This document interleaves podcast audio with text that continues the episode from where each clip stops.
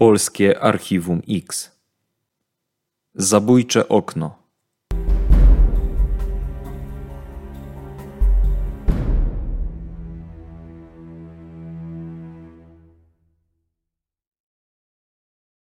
Był poranek 26 listopada 2006 roku. Michał z Gomezem wjechali na 11 piętro bloku znajdującego się na jednym z krakowskich osiedli. Chłopcy mieli po 19 lat i poznali się kilka tygodni temu w liceum wieczorowym dla dorosłych. Od razu się zakolegowali. Tym razem wracali razem do domu Michała z nocnego wypadu na mieście. Ten jednak zapomniał kluczy i o czwartej nad ranem zaczęli dobijać się do drzwi, aby tata chłopaka wpuścił ich do domu. Towarzyszyło im jeszcze kilku innych kolegów, ale ci po krótkiej chwili opuścili mieszkanie. Michał na krakowskim osiedlu mieszkał od niedawna. Wcześniej, razem z rodzicami, mieszkał w jednej z podkrakowskich miejscowości. Tam ukończył pierwszą i drugą klasę gimnazjum. W 2003 roku jego rodzice sprzedali dom i przeprowadzili się do niewielkiego mieszkania w Krakowie. Mama chłopaka była chora, a rodzina potrzebowała pieniędzy na leczenie. Kobieta jednak zmarła, a za wychowanie chłopaka odpowiadał jego tata. Sytuacja między obojgiem była napięta, a Michał, odkąd skończył 18 lat, coraz częściej sięgał po różnego rodzaju używki. Z tego powodu dochodziło między nimi do sprzeczek. Ojcu bardzo zależało na synu i starał się go chronić przed kolegami, którzy ściągali go na złą drogę. Do niewielkiej sprzeczki doszło nad ranem 26 listopada 2006 roku. Po niej Michał z Gomezem poszli do pokoju chłopaka. Z opowieści znajomych Gomeza wyłania się obraz chłopaka spokojnego, uczynnego, nie sprawiającego kłopotów. Gomez zostaje u Michała aż do rana. Obaj siedzą w pokoju. Po godzinie dziewiątej tata Michała woła syna do kuchni, mówiąc, że zrobił mu herbatę. Obaj, jak później zeznają policjantom, widzą wchodzącego do łazienki Gomeza. Chwilę później chłopak wraca do pokoju i zamyka drzwi. Następnie do pomieszczenia wchodzi Michał. Nie dostrzega kolegi, widzi natomiast otwarte okno i odsuniętą firankę. Spogląda przez nie, a na dole widzi ciało swojego kolegi. Biegnie do swojego taty, a ten próbuje wezwać pomoc, ale rozładowuje mu się telefon. Ostatecznie pogotowie oraz policję na miejsce wzywa ktoś inny. Funkcjonariusze zabezpieczają ciało i wysyłają je do zakładu medycyny sądowej. Z sekcji zwłok wynika, że w ciele chłopaka była obecna amfetamina. Jej stężenie było tak wysokie, że biegli określili ją jako dawkę śmiertelną. Policjanci po zdarzeniu przesłuchują Michała i jego tatę, a także rodzinę zmarłego chłopaka. Nikt jednak nie potwierdza, aby chłopak kiedykolwiek mówił o samobójstwie. Śledczy dość szybko zamykają sprawę. Mija kilkanaście tygodni, a policjanci znów zostali wezwani na interwencję do tego samego mieszkania. Jest noc z 1 na 2 lutego 2007 roku. Dyżurny policji w Krakowie odbiera połączenie telefoniczne. Proszę pana, syn mi wyskoczył przez okno, słyszy w słuchawce. Dzwoni tata Michała. Mundurowy pyta o adres, po czym dopytuje. Ale zbiegł pan na dół? No jestem na dole właśnie, dzwonię z budki, odpowiada. W jakim stanie? dopytuje policjant. Co? W jakim stanie? powtarza pytanie mundurowe. No normalnym, odpowiada tata Michała. To znaczy? No spałem. No wstałem teraz, mówi mężczyzna. Ale syn w jakim stanie teraz jest? No wyskoczył z jedenastego piętra, no to nie żyje, odpowiada tata Michała. Chwilę później policjant przełącza mężczyznę do dyżurnego pogotowia, a sam na miejsce wysyła patrol policji. Podczas obu rozmów głos mężczyzny jest bardzo spokojny, bez emocji i opanowany. Bogdanie, dlaczego ta sprawa jest wyjątkowa? Mm, ponieważ dotyczy przypadku ciemnej liczby zabójstw popełnianych w Polsce, ale nie z kategorii zaginięcia. Tak ta, jak wielokrotnie już mówiłem y, na łamach naszego programu, ciemna liczba zabójstw popełnionych w Polsce i na świecie ma różne oblicza. Y, tu ukrywają się przypadki właśnie y, znane prokuraturze czy policji jako zaginięcia osób, utonięcia, nieszczęśliwe wypadki, samobójstwa, zła kwalifikacja czynu, ale też upadki z wysokości. I powiem Ci, że te upadki z wysokości sprawiają przynajmniej policji polskiej duży, duży taki problem po prostu. Po raz pierwszy stwierdzam, że roz, poszukiwanie prawdy w każdej z tych poszczególnych kategorii ciemnej liczby zabójstw jest całkowicie odmienna i mnie ta sprawa zainteresowała właśnie, ponieważ no, te upadki z wysokości też były w polskiej kryminalistyce traktowane bardzo po macoszemu. Tutaj bardzo istotnym elementem są dokładne oględziny miejsca wypadnięcia zwłok. Dlaczego? Ponieważ liczą się niuanse, czy właśnie zwłaszcza ślady trasologiczne. Czy ktoś sobie wyszedł na parapet, czy, czy ktoś, nie wiem, mył okno, czy ktoś upadł nieszczęśliwie. Sam pokój daje ci dużo odpowiedzi, tak naprawdę, jaki charakter był czynu. Następną wskazówką istotną przy tego, rozpatrywaniu tego typu przypadków jest odległość zwłok od ściany, z której nastąpił upadek, czyli z okna czy z, z balkonu. I zasada jest taka, że im bliżej tej ściany leżą zwłoki, to, to można rozpatrywać dwie wersje. Mianowicie albo, że było to nieszczęśliwy wypadek, a druga wersja to zbrodnicze działanie osób trzecich. Natomiast jeżeli te zwłoki są oddalone od tej ściany, no to, to z dużym prawdopodobieństwem możemy powiedzieć, że mamy do czynienia z po prostu z samobójstwem, czyli z podjęciem e, takiej decyzji. W tej sprawie oczywiście były prowadzone w obydwu przypadkach oględziny procesowe, ale mnie właśnie nie dało odpowiedzi na te bulwersujące mnie pytania, zwłaszcza źle zostało dokumentowane oględziny miejsca upadku. Nawet nie, z tego co pamiętam, to chyba w ogóle nie były y, poruszane, tylko były oględziny zwłoki i w pobliże miejsca znalezienia zwłok. Natomiast nikt z policjantów nie pokusił się po prostu wyjechać na to jedenaste piętro, wejść do tego pokoju, sfilmować, opisać, próbować ujawnić właśnie te ślady trasologiczne, czy jakieś, nie wiem, kawałki błota spod obuwia, no coś, co by mogło ułatwić później odtworzenie danego przypadku. I dlatego na tą sprawę zwróciłem uwagę. Ja często mówię o teorii śladów na duszy ludzkiej, ale z tą teorią jest ściśle związana inna, wska takie wskazówki dla, na duszy, które pojawiają się w duszy właśnie detektywa, który rozpatruje, który ma ustalić tą prawdę o danym zdarzeniu. Te wskazówki, często w filozofii spotkałem się z takim określeniem, że, że jest mowa o wewnętrznym nauczycielu, albo wprost nawołują do pierwszego e, zawołania zespołu krakowskiego zespołu Archiwum X, mianowicie nie wychodź na świat, wróć do swojego wnętrza, w twoim wnętrzu mieszka prawda. Co to jest ta wskazówka? Co, co tu mnie zaintrygowało? Najczęściej tą wskazówką, prowadzącą zresztą do prawdy w wielu przypadkach, tym śladem na duszy ludzkiej, ale po stronie detektywa jest zdziwienie, zaskoczenie. Mnie zaskoczyło, że w przeciągu no, dosłownie niespełna trzech miesięcy, właściwie dwóch miesięcy i paru dni, z tego samego okna wypada dwójka młodych ludzi. I dlatego tą sprawę y, zainteresowaliśmy się. Bogdanie, czy to nie jest taka sprawa, w której jest więcej pytań niż odpowiedzi?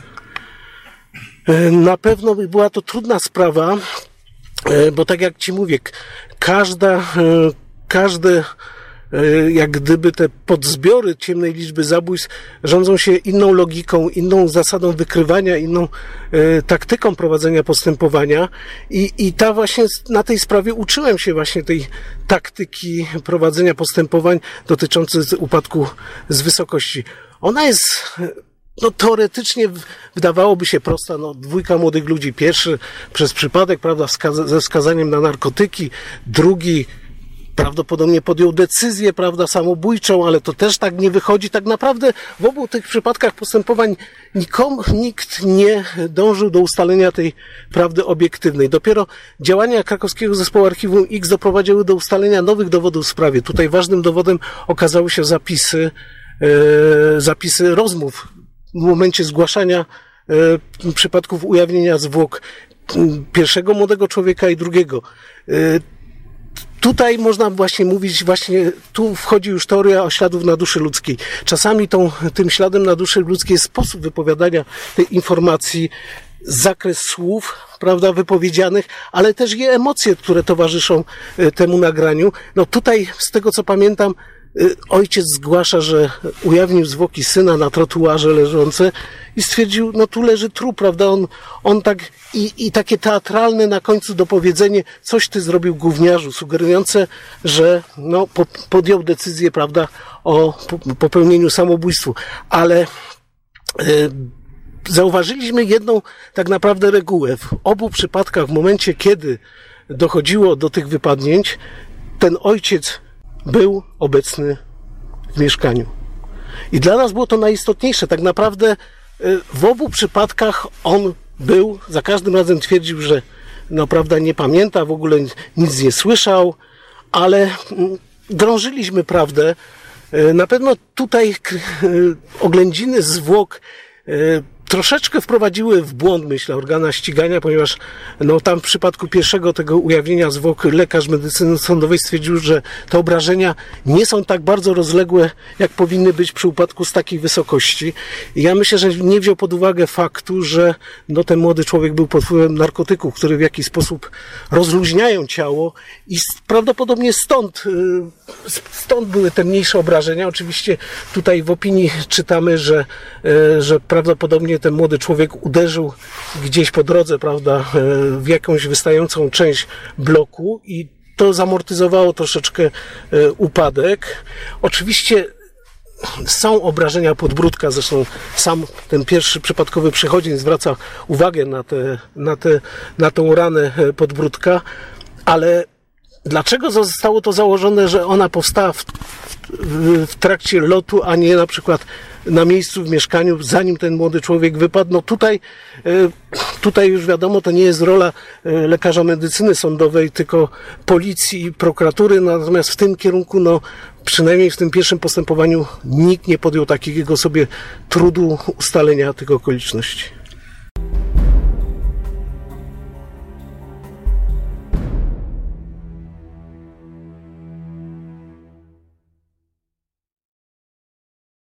Na miejsce przyjeżdża policja. Zabezpiecza zwłoki. To już drugi mężczyzna, który w odstępie kilkunastu tygodni zostaje znaleziony martwy przed tym samym blokiem. Policjanci przepytują tatę Michała o przebieg zdarzenia. Mężczyzna zeznaje. Około godziny dwudziestej Michał przyszedł do mieszkania. Przyszedł sam. Ja z nim rozmawiałem. Nie mówił mi, gdzie był i co robił. Zachowywał się normalnie. Pytałem się go, gdzie był. Powiedział mi, że ma 19 lat i nie musi się tłumaczyć z tego, gdzie chodzi i z kim się spotyka i co robi. Nie pokłóciliśmy się. Była to normalna rozmowa. W jego zachowaniu nie wyczułem nic podejrzanego. Następnie ja usnąłem na wersalce przy włączonym telewizorze. W pewnym momencie obudziłem się i zorientowałem się, że w pokoju Michała pali się światło. Kilka razy, nie wychodząc z łóżka, krzyknąłem do niego, aby je zgasił. Kilka razy tak zawołałem, aż w końcu się zezłościłem, że mnie nie słucha. W związku z powyższym wyszedłem ze swojego łóżka i poszedłem do jego pokoju. Zobaczyłem, że Michała nie ma w pokoju. Pomyślałem, że gdzieś wyszedł, ale zobaczyłem otwarte okno w pokoju. Podszedłem do okna i zobaczyłem na podłożu, na dole, jakąś sylwetkę w białej skarpetce, leżącą przed blokiem. Wówczas pomyślałem, że to on wyskoczył przez okno. Ja wybiegłem z mieszkania, wsiadłem do windy i zjechałem na dół. Obok naszego bloku jest budka telefoniczna i ja wezwałem z niej policję i pogotowie. Zdarzenie, o którym opowiada ojciec Michała, miało miejsce po godzinie pierwszej w nocy. Kilkanaście dni po nim mężczyzna zażył bardzo dużo leków i próbował popełnić samobójstwo, ale udało się go uratować. Przybyli na miejsce policjanci znaleźli list pożegnalny, ale żaden z nich go nie zabezpieczył i w konsekwencji został zniszczony. Mariusz, czy ty zajmując się taką sprawą, czytając akta, widząc już tak naprawdę wszystko post factum, y, nie zadajesz sobie czasem pytania, czy być może tej tragedii można było uniknąć, bo na którymś etapie ktoś nie zareagował, system nie zadziałał? Na pewno mam i na pewno mam takie przemyślenia, bo tak jak powiedziałeś, patrząc potem z, z perspektywy można wyciągać wiele wniosków, hipotez. Natomiast ciężko jest tak jednoznacznie odpowiedzieć, bo być może ktoś nie zauważył pewnych symptomów, być może ktoś nie chciał ich widzieć, yy, a dochodzi właśnie do tego typu tragedii. Na pewno te, te, te historie uczą yy, i mnie, i myślę, że tak samo naszych widzów, którzy oglądają nasz kanał i wyciągają z tego wnioski, E, takich e, po prostu stwierdzeń i że życie jednak jest bardzo skomplikowane, zawikłane, nie zawsze wszystko można rozwiązać, a trudno też mówić po fakcie, że można było coś zrobić inaczej, lepiej, bo jesteśmy w tym momencie w innym punkcie i, i oceniamy to trochę inaczej niż ktoś na bieżąco. A czy sam w sobie masz w jakiś sposób taki żal, frustrację, że pewnych spraw nie udaje się odkryć, nie udaje się dojść do prawdy? No na pewno są historie i są e, takie zdarzenia i zabójstwa, e, które gdzieś tam pozostają mm, dla nas e, nierozwikłane. Te, te, te zdarzenia pokazujemy i będziemy się starać pokazywać, myślę, że mając na myśli to, żeby zostały wyjaśnione i będzie więcej takich odcinków na naszym kanale. Na pewno to pozostawia pewien niedosyt, ale też myślimy, że, że być może kiedyś, za jakiś czas, te sprawy zostaną e, rozwiązane. Śledczych i prokuraturę zainteresował fakt, że w dość krótkim okresie z jednego z mieszkań wypadło dwóch młodych mężczyzn. Ciało Michała zostało skierowane do zakładu medycyny sądowej. Biegli stwierdzili, że chłopak był trzeźwy, a w jego organizmie znajdowały się śladowe ilości marihuany, które nie miały wpływu na jego zachowanie. W wyniku rozpytania sąsiadów udało się dotrzeć do jednej z sąsiadek mieszkającej w bloku. Kobieta złożyła zeznania. Wynika z niej, że w noc śmierci Michała oglądała program w telewizji. W pewnym momencie, po czasie nie jest dokładnie wskazać w jakiej kolejności, zobaczyła najpierw za oknem nogi chłopaka, a chwilę później głowę odwróconą do góry nogami, która patrzyła w jej okno. Wyglądało to tak, jakby ktoś go trzymał. Kobieta wstała z łóżka, ale twarz zniknęła. Podeszła do okna, otworzyła je i spojrzała w dół, ale przed blokiem nie było żadnego ciała. Kobieta ze zdenerwowania sięgnęła po papierosa i zapaliła go. W tym momencie usłyszała huk. Ponownie wyjrzała przez okno, a na dole leżało ciało mężczyzny. Co ciekawe, Tuż przed tym wydarzeniem w mieszkaniu, z którego wypadł chłopak, było słychać odgłosy przypominające szamotaninę albo awanturę. Zanim kobieta usłyszała odgłosy, poczuła u siebie w mieszkaniu dziwny zapach, który pochodził z wentylacji. Nie była w stanie go z niczym porównać. Powiedziała tylko, że co jakiś czas było go czuć z rur wentylacyjnych. Nie poddawaliśmy się. Była opinia z biegłego zakresu upadku z wysokości, że nie można kategorycznie stwierdzić, że, że tutaj doszło do zbrodniczego działania. My nie poddawaliśmy się, po prostu chodziliśmy po bloku, wypytując wszystkich mieszkańców i, i ten trud nam się opłacił. Po prostu ustaliliśmy, że sąsiadka zamieszkała po, bezpośrednio pod pokojem, pod, pod mieszkaniem, gdzie, gdzie wydarzyły się te obydwa wydarzenia, no podczas upadku była akurat w pokoju, leżała w łóżku, miała widok na okno i zauważyła, że najpierw pojawiły się nogi, skarpetki i dres, potem to zniknęło, pojawiła się głowa Michała patrząca w niego, ta głowa znikła, poszła do góry i dopiero nastąpił upadek, a wcześniej słyszała dziwne, dziwne po prostu tam odgłosy w tym mieszkaniu, czyli tam coś się działo dynamicznie. To był najważniejszy świadek. E, ja po zrobiliśmy eksperyment procesowy, y, jak ta pani widziała, prawda? Zrobiliśmy kukłę taką imitującą y, ciało człowieka i nagrywaliśmy to z jej perspektywy. Ona mówiła, jak to widziała. To wszystko zostało zarejestrowane, przekazane wraz z jej przesłuchaniem do prokuratury z wnioskiem o podjęcie śledztwa w tej sprawie i, i zmiany, zmiany kwalifikacji czynu. Czyli nie na nieumyślne spowodowanie śmierci, tylko po prostu o zabójstwo, bo nie mieliśmy wątpliwości, że przynajmniej w przypadku yy, śmierci mamy do czynienia z udziałem osób trzecich, a więc mamy z klasycznym y, zabójstwem i mimo tego materiału dowodowego jednoznacznie wskazującego, co się wydarzyło, no prokuratura odmówiła. Ja pamiętam, że wielokrotnie, kiedy mnie prokurator, który prowadził to postępowanie, spotykał, to mówił, że chyba pan miał rację. Ja mu zawsze powtarzam, na pewno miałem rację. Mimo to, no nie było decyzji o podjęciu śledztwa. Śledczy przeprowadzili eksperyment procesowy, aby kobieta stwierdziła, w jaki sposób widziała ciało i nogi mężczyzny. Policjanci chcieli też przesłuchać ojca Michała, ale mężczyzna zmarł. Prokuratura umorzyła śledztwo. Bogdanie, czy przy tajemniczych upadkach z wysokości teoria śladów na duszy, o której często mówię w naszym programie, ma swoje zastosowanie? Tak, dotychczas właśnie Dawidzie mówiłem, że no, nie można porównywać przypadków ciemnej liczby zabójstw popełnionych, jak, na przykład jako zaginięcie osób tak e, udokumentowanych i, i upadków z wysokości.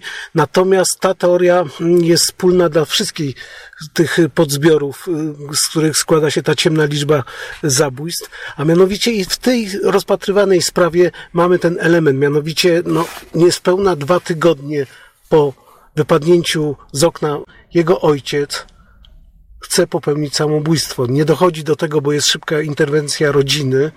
E, Trafia do szpitala, udaje się go uratować. E, Z dokumentacji dowiedzieliśmy się tylko jedynie, że e, na stole były lekarstwa, czyli tutaj wiedzieliśmy w jaki sposób mm, przebiegała ta próba samobójcza. I list pożegnalny. Bardzo chcieliśmy poznać treść tego listu pożegnalnego, bo liczyliśmy, że właśnie gdzieś znajdziemy materiał taki je- jednoznacznie wskazujący na poparcie naszych tutaj wersji mm, zdarzeniowych. No niestety policja nie zabezpieczyła, która była na miejscu, nie zabezpieczyła tego listu, nie było tego listu w postępowaniu przygotowawczym, no i nie udało nam się e, ustalić charakteru tej próby samobójczej. Mariusz, czego uczy nas ta historia? Ja myślę, Dawidzie, że jest to historia, która uczy nas wielu rzeczy. Przede wszystkim to, jak potrafią potoczyć się ludzkie losy, jak to wygląda na wskutek pewnych życiowych tutaj perturbacji. Jak wiemy, tutaj w tej rodzinie nastąpiła tragiczna śmierć e, kobiety, która zmarła na raka. E, W tej rodzinie została młoda osoba, młody chłopiec, który wychowywał się bez matki. I jak gdyby konsekwencje tego zdarzenia, dalsze losy, powodowały to, że te losy były bardzo tragiczne dla tej rodziny. Mariusz, ta historia uczy nas chyba także tego, że splot często wydarzeń, które są neutralne, kiedy się skumulują, mogą doprowadzić do tragedii. I chyba wydaje mi się, że ta historia uczy nas tego, że tak naprawdę tyle o sobie wiemy, na ile nas sprawdzono, i w momencie, kiedy jesteśmy życiowo przyparci do muru, to tak naprawdę każdy z nas może przekroczyć tą granicę, to cienkie tabu między życiem a śmiercią. Tak, tutaj w tej historii cała ta tragedia spowodowała to, że w tej rodzinie nastąpił pewien dramat. Ta młoda osoba, syn, y, zaczął nadużywać i alkoholu, i narkotyków. Y, Również w nie najlepszej kondycji był y, jego ojciec, i tutaj to powodowało to, że jednak zatracenie pewnych, pewnych granic, pewnych norm e, czasami powoduje to, że następuje jeszcze większa tragedia, tak jak tutaj w tym przypadku. Mamy do czynienia w, z, ze śmiercią dwóch młodych osób i, i starszego człowieka. Mariusz, co ta historia też uczy Was jako śledczych? Bo mam takie wrażenie, że ta historia uczy są pewne pytania, które na zawsze pozostaną bez odpowiedzi, ale też pokazuje, że jeżeli losy danej osoby, danej ofiary są skomplikowane, tym trudniej jest rozwiązać, dotrzeć do prawdy śledczym. To jest tak czasami w niektórych e, zdarzeniach, w niektórych historiach, że pomimo usilnej pracy, ustaleń, e, nie jesteśmy w stanie jednoznacznie odpowiedzieć na, e, na pewne pytania. I tutaj ta historia jest takim przykładem. Z ustaleń wiele wskazuje na to, że całe okoliczności i tragedia była spowodowana. Mamy tu do czynienia z alkoholem, z narkotykami, i z jakimś brakiem pewnych zahamowań. Natomiast y, pokazuje to to, że pomimo, pomimo starań i, i analizy pewnych rzeczy nie jesteśmy w stanie jednoznacznie odpowiedzieć na pewne pytanie i tutaj przytoczyć, jaki był ten ostateczny przebieg tego zdarzenia.